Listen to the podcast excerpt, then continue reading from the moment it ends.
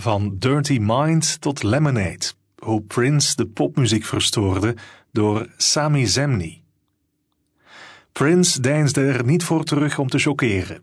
Via zijn songteksten, in de strijd tegen zijn platenlabel en voor de rechten van zwarte artiesten.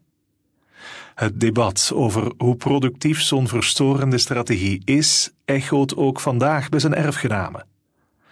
Wanneer verwoordt controverse tot makke marketing? Prince beoogde, voorbij het shock, een vruchtbare muziekindustrie voor zwarte artiesten. Op 21 april 2016 overleed Prince, een van de meest invloedrijke muzikanten en popiconen van zijn tijd. Twee dagen later bracht Beyoncé haar visuele album Lemonade uit. Dat draaide rond de positie van de zwarte vrouw in Amerika en de geruchtmakende affaire van haar man Jay-Z. In zekere zin kunnen deze twee gebeurtenissen gezien worden als een aflossing van de wacht in de popwereld. Zoals Prince ooit de emancipatie van de zwarte gemeenschap in de VS aankaartte met zijn teksten, muziek en films, zo zet Beyoncé die traditie voort. Om hun boodschap te versterken en de interesse in hun muziek te vergroten, hebben zwarte artiesten niet zelden gebruik gemaakt van schokeffecten. Prince speelde als geen ander met zijn uiterlijke verschijning om de binaire genderverschillen en raciale scheidingslijnen te ondermijnen die de muziekwereld begin de jaren tachtig domineerden.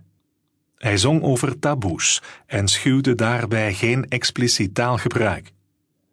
Lemonade is dan weer een afwijzing van een populaire cultuur die bepaalt wie waardig of mooi is en wie zwarte vrouwen mogen zijn.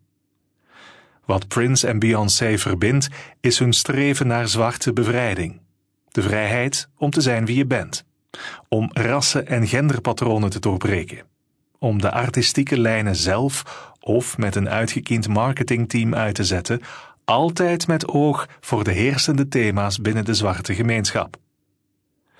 Maar is de taboe doorbrekende shock die zij beogen nog altijd zo verstorend als wel eer?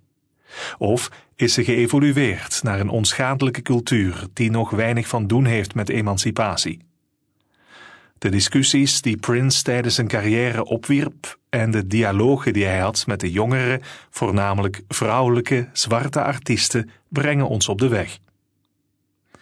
Pussies, bitches and hoes. Een van die discussies gaat over de schuttingtaal in de lyrics van zwarte artiesten. In conservatieve middens kunnen die al eens op kritiek rekenen, maar voor de artiesten bieden ze een manier om zich te bevrijden van het dominante witte taalgebruik. In de jaren 1930 gebruikte blueszangeres Lucille Bogan expliciet seksueel getinte taal. Als een van de eerste vrouwen claimde zij het woord bitch om zo haar seksualiteit te omarmen. In die traditie eisen ook vrouwelijke artiesten in de hip-hop en rapcultuur, van Queen Latifah in de jaren 90 tot Lizzo vandaag, het woord voor zichzelf op. Veel eer dan voor de patriarchale en seksistische rapcultuur waartegen zij ingaan. Groepen en artiesten zoals Two Life Crew, Snoop Dogg en zelfs Ice-T en NWA mochten dan de grenzen van de censuur verleggen zij bleven vaak problematische, vrouwonvriendelijke boodschappen verspreiden. Prince schuwde evenmin het expliciete taalgebruik in zijn songteksten. En toch was hij een van de eerste artiesten binnen de zwarte gemeenschap die de discussie aanging over de effecten van dat explicieter wordende taalgebruik en de visuele ondersteuning ervan door de videoclips. Waren die werkelijk een vorm van emancipatie? In de jaren negentig begon Prince de al te expliciete seksistische teksten te vermijden. In We March uit 1995 klinkt het zo. If this is the same sister that you cannot stop calling a bitch, it will be the same one that will leave your broke ass in a ditch. If you can't find a better reason to call this woman otherwise, then don't cry. You made the bed in which you lie. Die tekst reflecteert Prince's veranderde visie, maar ook een debat binnen de zwarte populaire cultuur over hoe invloedrijke artiesten hun stem dienden te gebruiken. Sinds de jaren 90 en nog meer de jaren 2000 worden zwarte popsterren steeds vaker verwacht een spreekbuis van de gemarginaliseerde groepen te zijn. Net als veel populaire zwarte artiesten, van Marvin Gaye en Stevie Wonder over Billie Holiday en Jill Scott Heron tot Nina Simone en Bob Marley, had Prince thema's als sociale rechtvaardigheid aangekaart, vaak in onverwachte vormen. In Lady Cab Driver uit 1982 rapte hij over de ongelijkheid in de VS tegen de achtergrond van vrouwelijke orgastische geluiden. Gezongen als een seksuele daad die crescendo gaat, bekritiseerde Prince corrupte politici en inhalige rijken, rassendiscriminatie en witte suprematie. De seksuele double entendre bleek een glijmiddel voor andere boodschappen. En toch problematiseerde Prince ook de verantwoordelijkheid of zelfs de plicht om zijn kunst te gebruiken ter ondersteuning van een gemeenschap. Hoewel zijn ouders Afro-Amerikaans waren en de muzikale en visuele esthetiek van Prince geworteld is in de ervaring van de zwarte Amerikanen, moedigde hij verwarring over zijn raciale identiteit aan. Vroeg in de jaren tachtig verspreidde hij de leugen dat hij biraciaal was, ondersteund door zijn rol in de kaskraker Purple Rain uit 1984, waarin zijn moeder werd vertolkt door een blanke vrouw. Prince gebruikte de tactiek van racial passing om te ontsnappen aan de lasten van het zwart zijn in de VS. Hij doorzag het hokjesdenken van een grotendeels gesegregeerde muziekwereld, waar het radiolandschap aan ghettovorming deed en zwarte artiesten een groot luisterpubliek kon ontzeggen. Maar de tactiek werkte tegen hem. Prince kreeg het verwijt een sell-out te zijn. En dat werpt de vraag op in hoeverre de raciale identiteit die een individu claimt een vrije keuze is. Bestaat er zoiets als een daad van raciale ontrouw als jij je afscheidt van de groep waartoe je ogenschijnlijk behoort? When will we be paid? Wat de een als opportunisme wegzet, leest voor de ander als doorgedreven systeemkritiek. Geleidelijk aan verlegde Prince een focus naar de industrie zelf, die geen moeite had om protestmuziek te marketen als elk ander commercieel product. In het bijzonder streed hij voor de artistieke vrijheid van zwarte muzikanten. Tijdens een dispuut met zijn platenmaatschappij Warner Brothers vergeleek Prince zijn platencontract met slavernij veranderde hij zijn naam in een onuitspreekbaar symbool en verscheen hij in het openbaar enkel nog met het woord slave op zijn wang. Veel media zagen dat als een egocentrische publiciteitsstunt. Hoe kon een artiest, bemiddeld en invloedrijk, zichzelf vergelijken met de echte slachtoffers van slavernij? De zogeheten stunt bracht zijn carrière tijdelijk schade toe, maar Prince bleef zich verbinden met de geschiedenis van zwarte muzikanten, die tot in de jaren tachtig in een gesegregeerd marktsegment moesten functioneren. Zo onthulde Prince dat blanke muziekbonzen onredelijk veel profijt haalden uit zwarte artistieke producties. Hij verkondigde: If you don't own your masters, dat zijn de originele opnames van een muziekstuk, your masters own you. Wat begon als een strijd om zich los te wrikken uit een contract dat hij creatief benauwend vond, werd er ook een voor jongere artiesten die hun weg zochten in een snel veranderende muziekindustrie.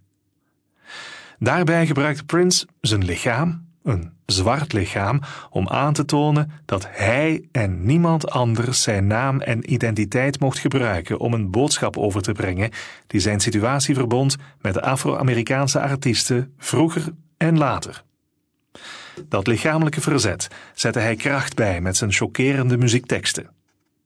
Hij nam een cover op van When Will We Be Paid van de Staple Singers. Dat gebeurde in 2000 om de onbetaalde arbeid aan te kaarten die zwarte mensen lang verrichten. In Avalanche uit 2002 noemt hij Abraham Lincoln een racist.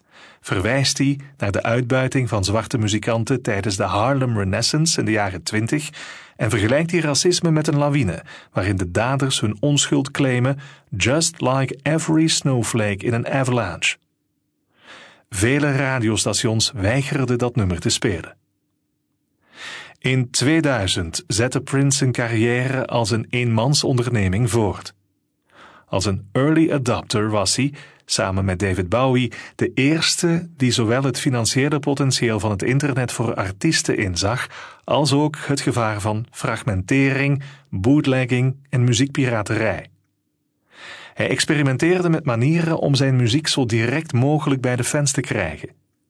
Al in 2001 verspreidde hij zijn muziek via een online webplatform, bundelde hij de verkoop van concerttickets met de uitgave van een nieuw album, denk aan Musicology in 2004, en onderhandelde hij rechtstreeks met kranten om zijn album gratis aan hun abonnees aan te bieden.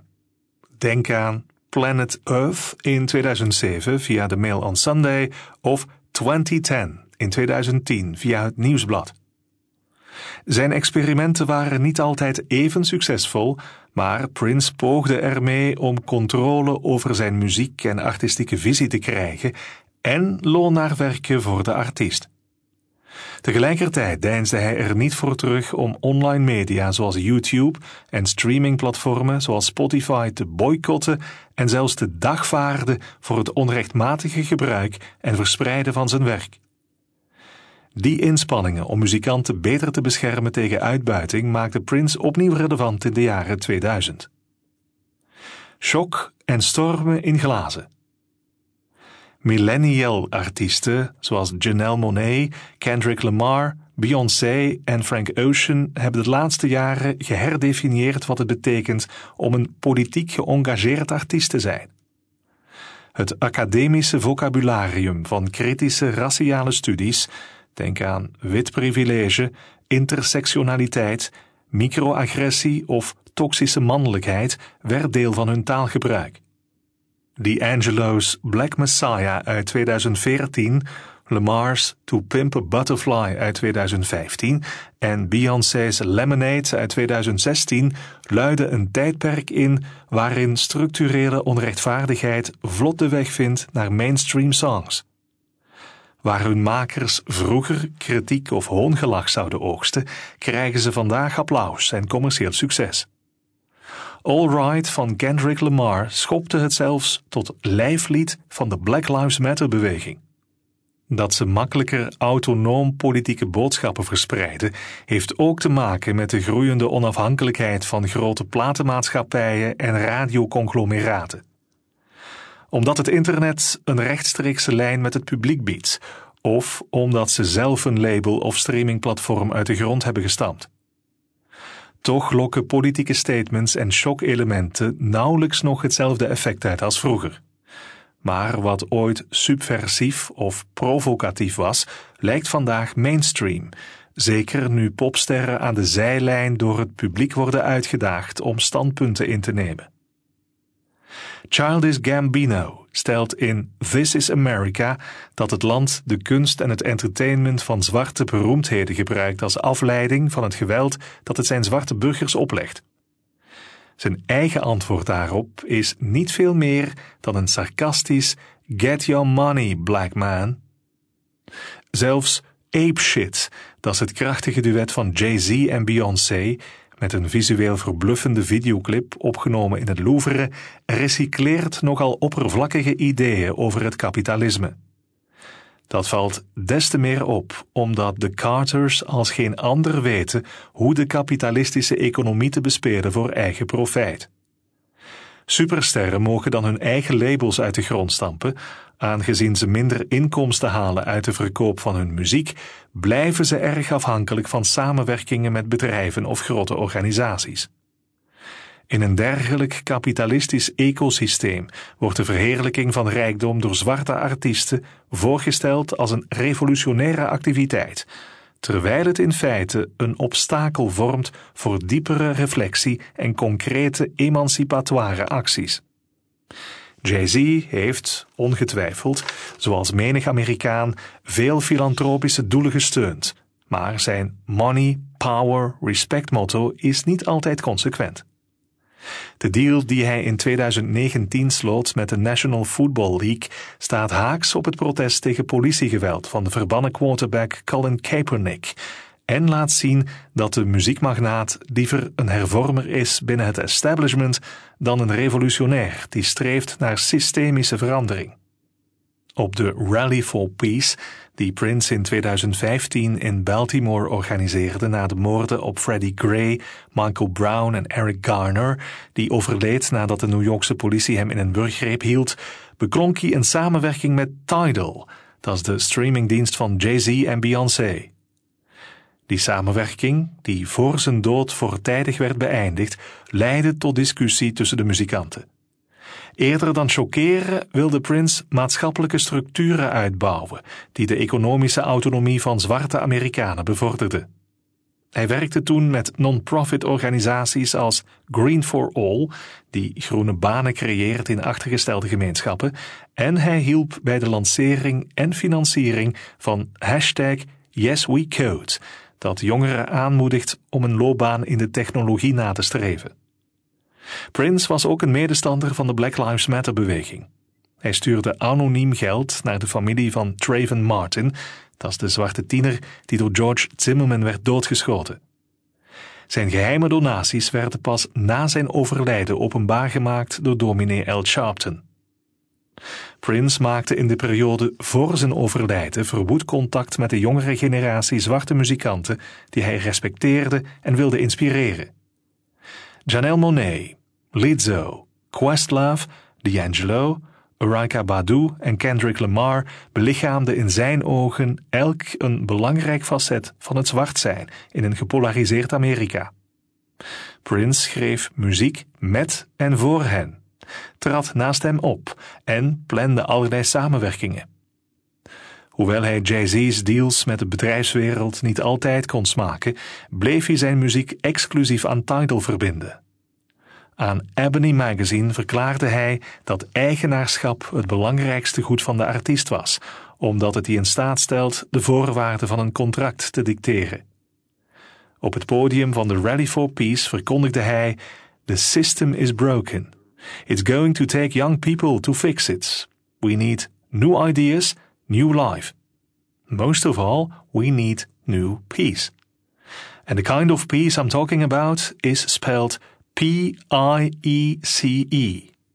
Next time I come to Baltimore, I want to stay in a hotel owned by one of you. I want to play in a building owned and operated by one of you.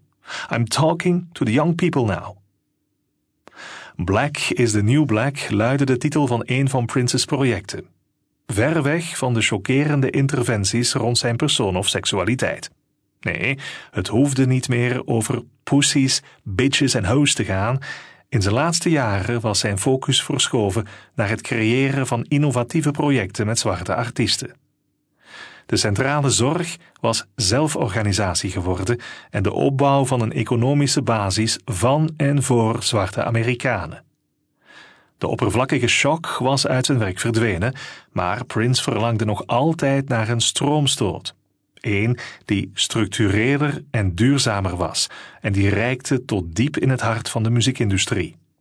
Tot slot een korte bio van de auteur van deze tekst. Sami Zemni is professor politieke en sociale wetenschappen aan de UGent. Hij is de voorzitter van de vakgroep Conflict- en Ontwikkelingsstudies. In zijn vrije tijd is hij al levenslang fan van Prince, funk en soul.